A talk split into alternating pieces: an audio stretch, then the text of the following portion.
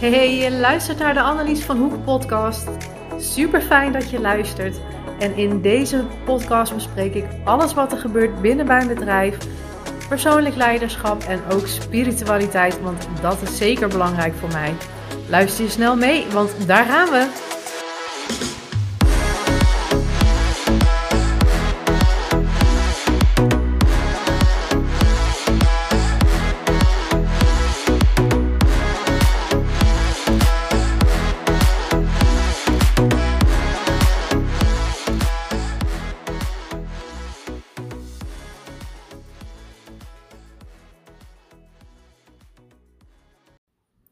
Hi, lieve, lieve vrouw. Wat fijn dat je weer luistert naar de Annelies van Hoek podcast. Fijn dat je er weer bij bent. En ja, hoe gaat het met je? Daar ben ik wel heel erg benieuwd naar. Hoe gaat het met je? En ja, ik heb zelf komende week, het is vandaag uh, dinsdag 3 oktober nu ik dit opneem Ehm, ik heb overigens ook het raam openstaan omdat ik het een beetje een soort van vochtig benauwd vind in huis. Maar het waait momenteel ook heel erg hard. Dus ik hoop niet dat je daar heel erg veel last van hebt. Ja, ik heb bijzondere dingen deze week op de agenda staan. Ehm, morgen mag ik weer een reiki-behandeling geven. Ehm, volgens mij heb ik het wel van de zomer al een keer gedeeld in een van mijn podcasts. Dat een uh, dame bij mij is gekomen. Zij ervaart uh, fibromyalgie-klachten. En um, ja, de vorige keer dat ze bij mij is geweest is ongeveer een maand geleden. En nou ja, toch na een paar reiki-behandelingen en een aromatartsmassage kon zij toch wel zeggen dat de pijn ja, langzaam aan het wegtrekken is. En dat ze ook echt wel momenten ervaart um, waarbij ze geen pijnklachten heeft in haar lijf. Dus ja, dat vind ik een hele mooie vooruitgang. En mijn gedachte daarbij was ook. Um, wat, tenminste, wat ik bij haar oppikte, is dat ze zichzelf gewoon had afgesneden van haar gevoel. En ja, daardoor dus eigenlijk die pijnklachten in haar lijf ervaart als signaal zo van... hé, hey, ga mij eens voelen, ga, ga je lijf eens voelen. Um, nou ja, goed, dat herstelt zich langzaam. Dus dat vind ik sowieso een heel mooi resultaat. Uh, later in de week mag ik ook nog een Access Bar sessie geven. Uh, ook leuk, want dat is de eerste uh, sinds dat ik de cursus heb gedaan die ik, nou ja, zeg maar betaald mag, mag gaan geven. Dus dat vind ik sowieso natuurlijk heel erg leuk. En aankomende donderdag heb ik een energetische huisreiniging op de agenda staan. En nou ja, die ga ik dus ontvangen, zal ik maar zeggen. Um, ik merk gewoon dat hier wat energieën in huis zitten die, um, ja, die gewoon niet lekker stromen, wat niet lekker loopt. Um, ja, heel eerlijk om te zeggen, ik voel me ook gewoon nog niet zo heel erg thuis, zeg maar, in dit huis. Ik heb niet ja, zo die connectie, zeg maar, met het huis. Wat dat betreft mis ik ons huis en tolkamer echt wel qua energie. Um, en de vorige keer um, voor ons huis in tolkamer heb ik het toen ook gedaan. En dat heb ik toen telefonisch gedaan. En um, de meneer die uh, daar nu voor langskomt, hij woont zelf ook in Husse. Dus dat is redelijk dichtbij. Um, dus deze keer heb ik gevraagd of dat hij gewoon persoonlijk langs wil komen. Ik denk dat ik daar net nog wat meer uit ga halen dan nou ja, een telefonische sessie. Kosten zijn daardoor wel hoger, omdat hij natuurlijk echt hier moet komen met uh, nou ja, met, wat hij komt doen. Ehm, maar goed, dat wil ik er deze keer wel, uh, wel aan uitgeven. En volgende week dinsdag, uh, dan heb ik mijn Reiki trainer inwijding op de agenda staan. Dus dat zijn ook wel, ja, is ook wel weer heel iets, iets bijzonders. Ik weet over het algemeen wel met een uh, Reiki inwijding dat ik dan nou ook best wel moe ben. Ja, het vergt toch wat, uh, wat energie, maar dat geeft niet. Dus uh, weet je, de rest van de dag uh, hou ik ook gewoon lekker ja, ruimte voor mezelf. En ehm, ja, doe ik gewoon, gewoon lekker rustig aan. En dat mag ook. En s s'avonds ook gewoon natuurlijk gewoon weer lekker sporten. Helpt ook altijd. Maar waar ik het in deze podcast over wil hebben is ehm, dat ik heb gemerkt, ook van verhalen die ik van anderen heb gehoord... Um, dat op het moment dat je een bepaalde diagnose krijgt, hè, zo, nou ja, in de vorige podcast, als je die geluisterd hebt, het is natuurlijk net zes jaar geleden uh, dat ik mijn eigen kankerdiagnose kreeg. Maar dat er dus mensen zijn die verschillend met een bepaalde diagnose omgaan. En heel cru, ik verdeel dat, die mensen verdeel ik even in twee groepen. En dat kunnen mensen zijn, naar mijn idee, zeg maar de ene groep um, die daar helemaal in gaat hangen en zich helemaal gaat conformeren met het, uh, met het ziek zijn.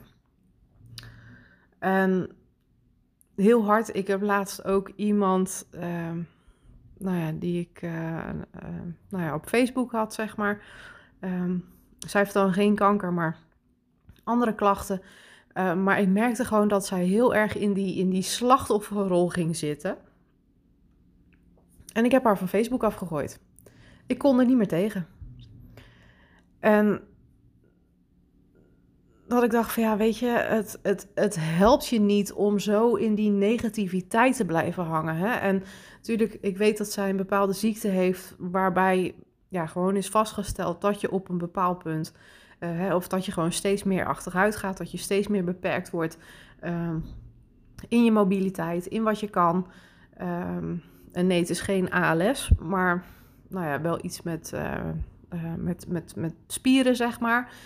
Um, verder hou ik het gewoon wat, wat, wat algemeen. Maar ik merkte gewoon, weet je, zij ging zich steeds meer conformeren naar wat ze niet kan, in plaats van de focus te leggen op wat ze wel kan. En dit is gewoon iets waar ik je echt mee wil uh, inspireren om je een ander inzicht te geven dat het dus ook anders kan. Want op het moment dat je een diagnose krijgt, um, hè, wat, dat schopt je gewoon even onderuit. Of dat het nou kanker is of een andere ziekte, maakt niet uit. Dat schopt je gewoon onderuit. En dat is logisch. Weet je? En dat je dan echt denkt zo van ja, oké, fuck, wat nu? Um, snap ik ook. Is ook helemaal logisch.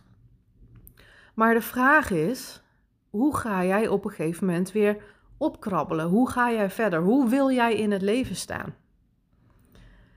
En wat ik op dat moment zelf heb gedaan, en ook al was het misschien vanuit een bepaalde uh, overlevingsdrang, um, hè, maar dat je ook in een, op zo'n moment ook in een overlevingsrol uh, schiet, dat is naar mijn idee ook compleet logisch.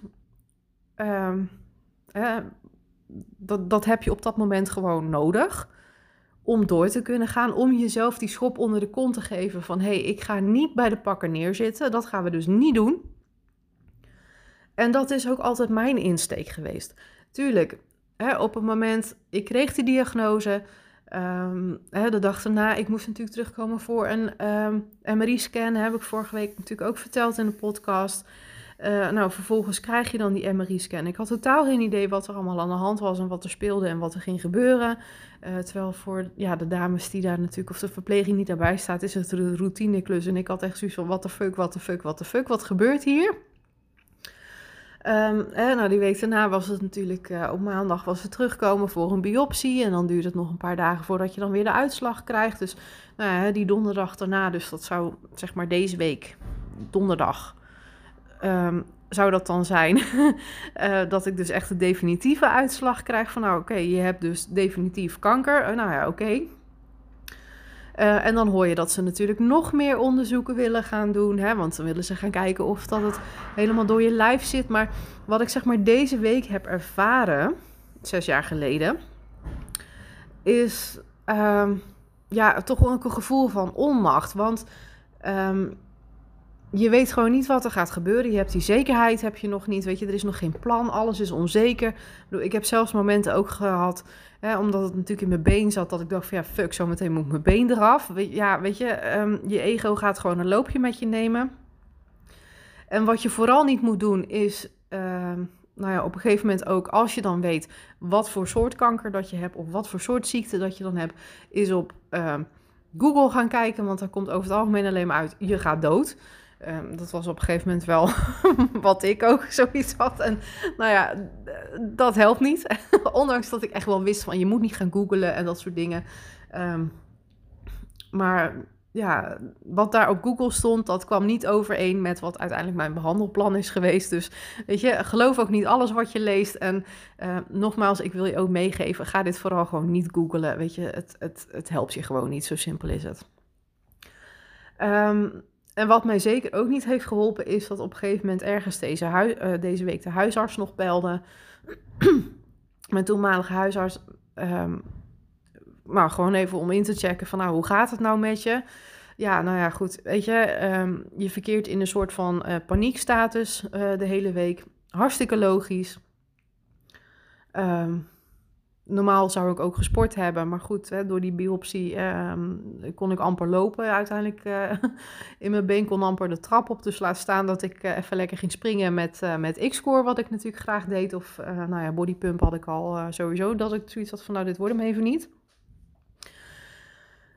Um, maar wat, zo, wat de huisarts op een gegeven moment tegen mij zei, en dat vond ik echt, dat vond ik echt heel erg, is joh als de kanker in je lymfeklieren zit, dan kunnen we helemaal niks meer voor je doen. Terwijl er was nog helemaal niks zeker. En weet je, ik voelde mezelf niet ziek en ik had zelf al heel erg die overtuiging van: oké, ik heb nu kanker, maar dat is eenmalig en dat is om mij op een ander pad te zetten. Een, eh, om, om, mijn, om mijn leven een andere richting te geven. Dat was eigenlijk vanaf het begin af aan de overtuiging die ik al had. Um, heeft uiteindelijk, zeg maar, gewoon in het hele praktische gedeelte en de acceptatie daarvan nog even geduurd voordat ik daadwerkelijk een andere richting ging kiezen. Um, en daar had ik dus die burn-out um, eind 2019 nog voor nodig. Maar dat besef, dat zat wel ergens diep in mijn onderbewustzijn, in mijn bewustzijn, dat ik dacht van, dit is eenmalig. En die overtuiging heb ik op dit moment nog steeds. Het is eenmalig geweest. Het heeft mij uiteindelijk op een ander pad gezet. En daardoor mag ik fantastische uh, andere dingen gaan doen. Iets voor andere vrouwen uh, mogen betekenen. Dus dat, dat, dat is een gedachte die ik dus eigenlijk al heel snel had. En nu heb ik ergens het afgelopen jaar, in ieder geval dit jaar denk ik, ehm, het boek van Esther en Jerry Hicks gelezen, Abram Hicks. Money and the Law of Attraction: Learning to Attract Wealth, Health and Happiness. En over het health stuk, hè, dus het gezondheidsstuk in dat boek. Uh, ik heb hem in het Engels gelezen. Hij zal vast ook wel in het Nederlands uh, verkrijgbaar zijn. Maar ik heb hem dus in het Engels gelezen. Waar ik dus achter kwam tijdens het lezen van dit boek. Is dat ik dus eigenlijk precies de stappen die genoemd zijn over dat stuk health, hè, gezond, gezondheid aantrekken. Um, precies gevolgd heb in dit boek. En dat wil niet zeggen dat ik um, op een magische manier, zeg maar, ben genezen. Hè? Ik bedoel, ik heb daar nog steeds uh, bestraling voor nodig gehad. Um, ik was me, zeg maar, in 2017 ook totaal niet bewust uh, van de wet van aantrekking. Ik wist helemaal op dat moment niet dat zoiets uh, bestond. Maar goed, hè, dit is dus ook een beetje de kant geweest van, nou ja, noem het maar mijn spirituele reis, het spiritueel ontwaken. Um, Tenminste, zo, zo zie ik het. En je mag het een andere naam geven, uiteraard, als jij dat wil. Maar zo, zo zie ik het. Hè, dat op, op een bepaald punt dus, hè, mijn, mijn ogen zijn geopend. Dat er nog meer is tussen hemel en aarde.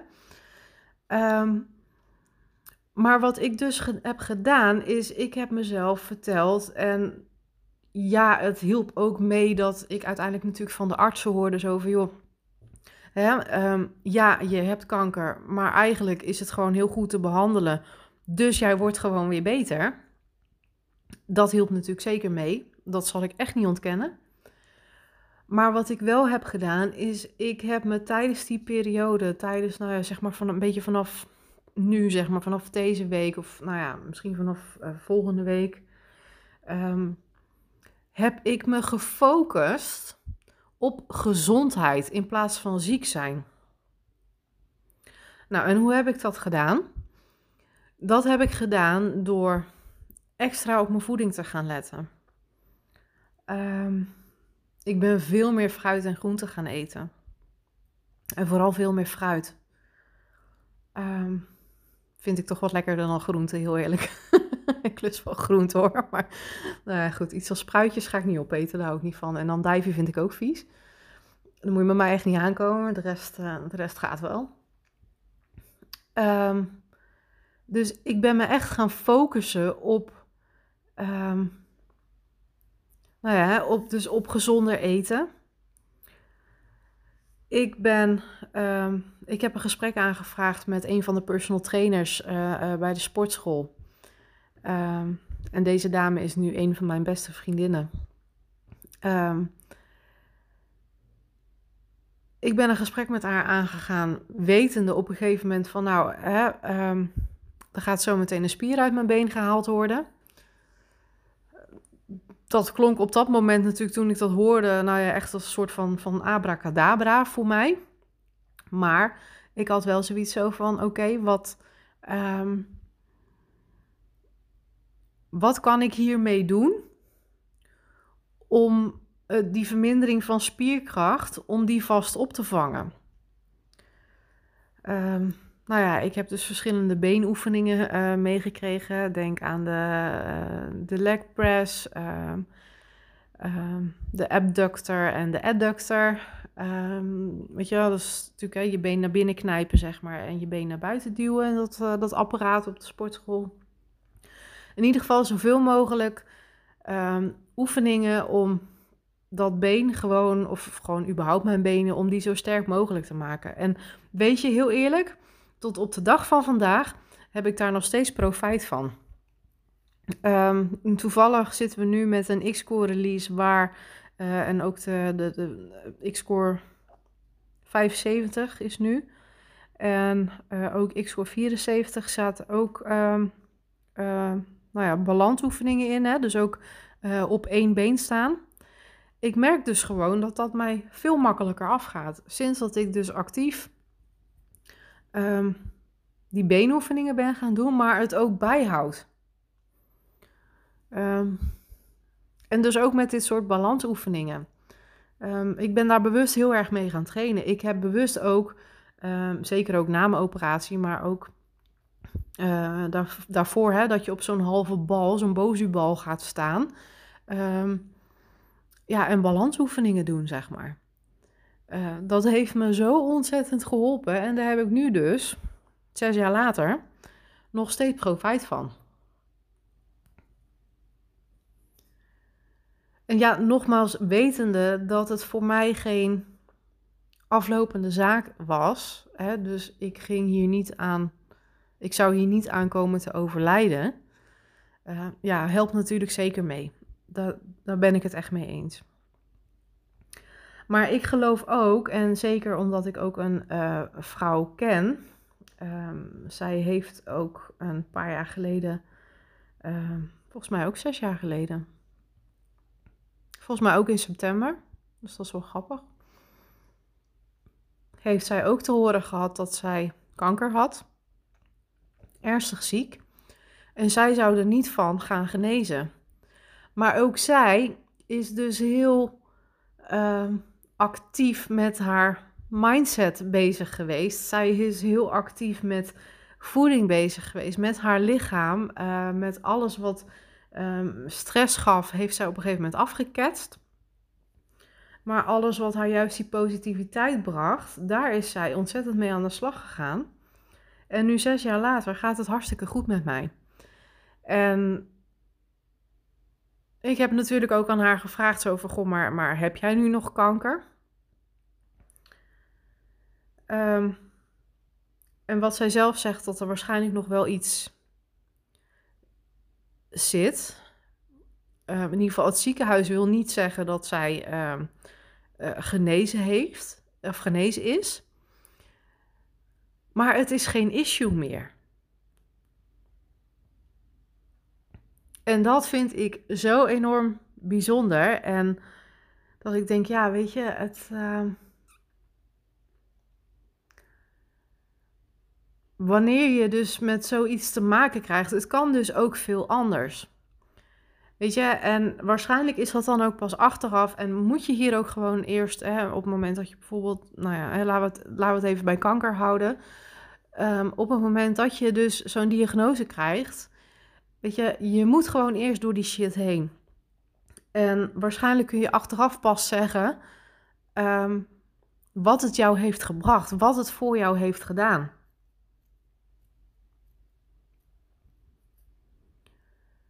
En wat het zeker voor mij heeft gedaan, is dat het mijn normen en waarden heeft veranderd.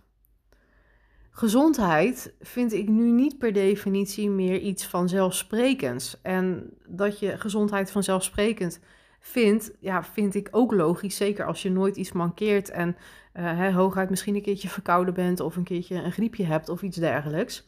Allemaal logisch. Want zo stond ik namelijk ook in het leven. Maar op het moment dat je zelf echt iets gaat mankeren, ja, dan wil jij daarmee aan de slag. Tenminste, dat zou ik een logische reactie vinden, dat je daarmee aan de slag wil. En dat je,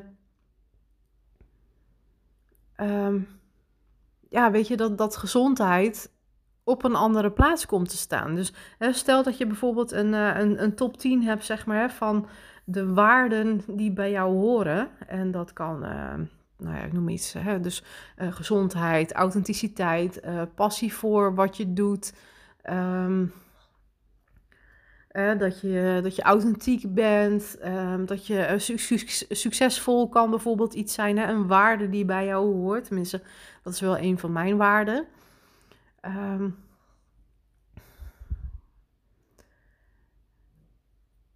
weet je, dat bij wijze van spreken gezondheid bij mij op, um, nou ja, op nummer 5 of nummer 6 stond. Hè, van het hoort erbij, maar het is, het is geen dagelijks issue. Maar zeker in die tijd werd dat ineens een nummer 1. Want ik wilde natuurlijk weer naar die gezondheid toe. En ja, dat is natuurlijk ook hè, omdat je jezelf waarschijnlijk uh, behoorlijk oncomfortabel voelt op deze manier. Maar je wilt gewoon naar die gezondheid toe. Want uiteindelijk, gezondheid, uh, je kunt het niet kopen. Je kan niet even naar het kruidvat gaan en zeggen: Nou, doe mij maar even een pakje gezondheid. Weet je? Daar moet je zelf mee aan de slag. En of dat je dat nu um, doet, uh, nou ja, ik noem maar iets, dat je geen vlees meer wilt eten. En dat je uh, voornamelijk veel groente en fruit wilt eten. En dat je jezelf nog extra ondersteunt met, uh, met voedingssupplementen. Maakt mij allemaal niet uit hoe je het doet. Ja, en door het sporten natuurlijk. Um, als je het maar doet. En daarom vond ik het dus zo grappig dat uh, nou ja, ik dus dit boek, uh, Money and the Law of Attraction, Learning to Attract Wealth, Health and Happiness van Esther en Jerry Hicks aan het lezen was. De teachings van uh, of Abraham Hicks. En dat ik dus eigenlijk erachter kwam dat ehm, ik dus eigenlijk precies die stappen heb gevolgd die hij dus beschreef. Jezelf namelijk een ander verhaal gaan vertellen. Want wanneer jij dus in die lage frequentie blijft zitten van ik ben ziek, ik ben ziek, ik ben ziek, ik ben ziek, um, gaat je niet helpen. En nogmaals, weet je, als dat een tijdelijk stuk is, hè, wanneer je nog niet alle diagnoses hebt, wanneer je nog helemaal niet goed weet waar je aan toe bent, wat je behandelplan is, uh, van goh, hoe ga je hier weer uitkomen, uh, helemaal logisch. En dat is ook oké, dat mag er ook gewoon zijn. Zolang je op een gegeven moment daarna maar naar die way up gaat. Ook al moet je door chemo heen. En ehm, raak je je haar kwijt, raak je je nagels kwijt. Maar dat je wel op een gegeven moment denkt van joh, ik doe dit als onderdeel om weer naar die gezondheid te komen. Om weer naar mijn allerbeste gezondheid te kunnen gaan. Ook al is dat op een gegeven moment misschien niet meer 100% van wat jij altijd bent geweest en wordt jouw 100% of de verwachtingen die jij hebt, zeg maar, aan 100%. Hè, en dat kan misschien ehm, je energielevel zijn, wat op een gegeven moment ehm, omlaag gaat. Dat ehm, je sociale contacten, de frequentie daarin, dat dat wat omlaag gaat. weet je, soms denk ik ook wel eens, hè, omdat ik dus een spier mis. En, en zo wil ik hem even uitleggen. Omdat ik dus een spier mis is mijn lichaam niet meer 100%. Hè? Want ik, uh, mijn lichaam is niet meer compleet, zeg maar, zoals het was. Zo wil ik hem uitleggen. Maar mijn 100% compleet zijn heeft dus een andere betekenis gekregen. Want ja, ik mis dus een spier in mijn been. Of in ieder geval een gedeelte van de spier in mijn been. Um, Maar mijn 100% is dus anders geworden.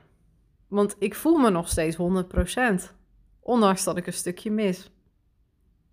Snap je wat ik bedoel? Snap je wat ik daarmee wil zeggen?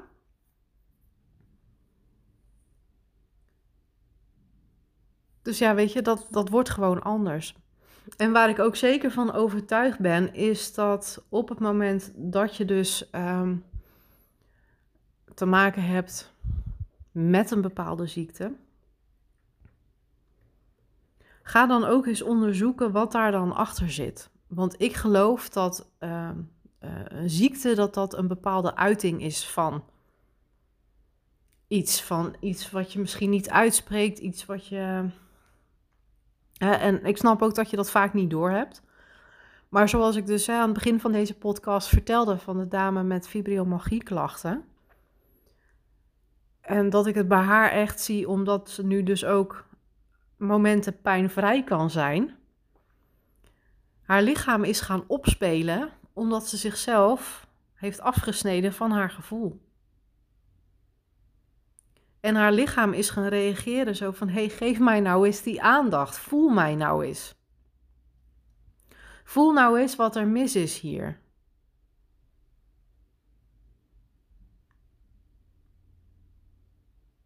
En ik denk, ik ben daar echt van overtuigd dat, dat wat voor ziekte dan ook, waar je dan ook mee te maken krijgt, dat dat een uiting is daarvan.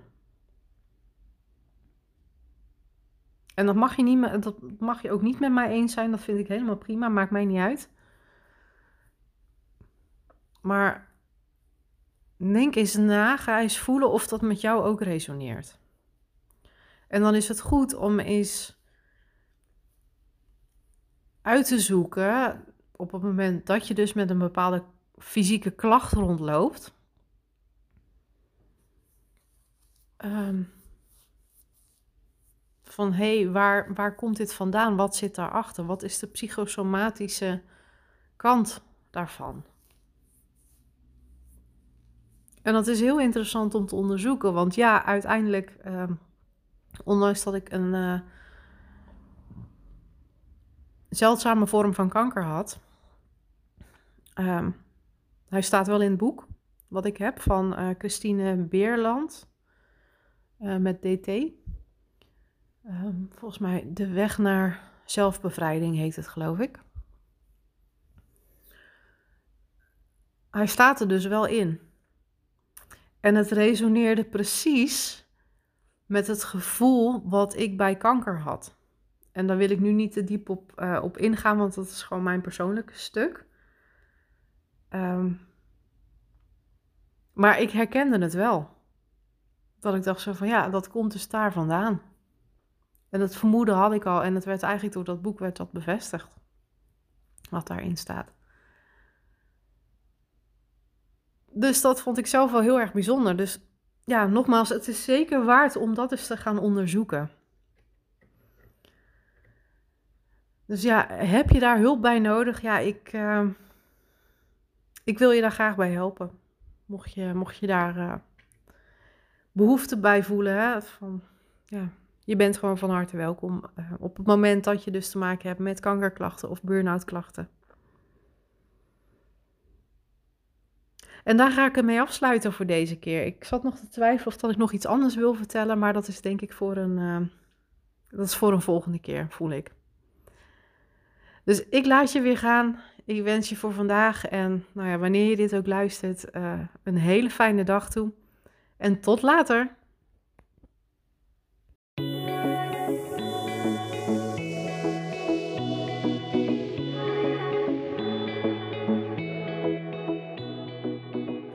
Dankjewel voor het luisteren naar deze podcastaflevering.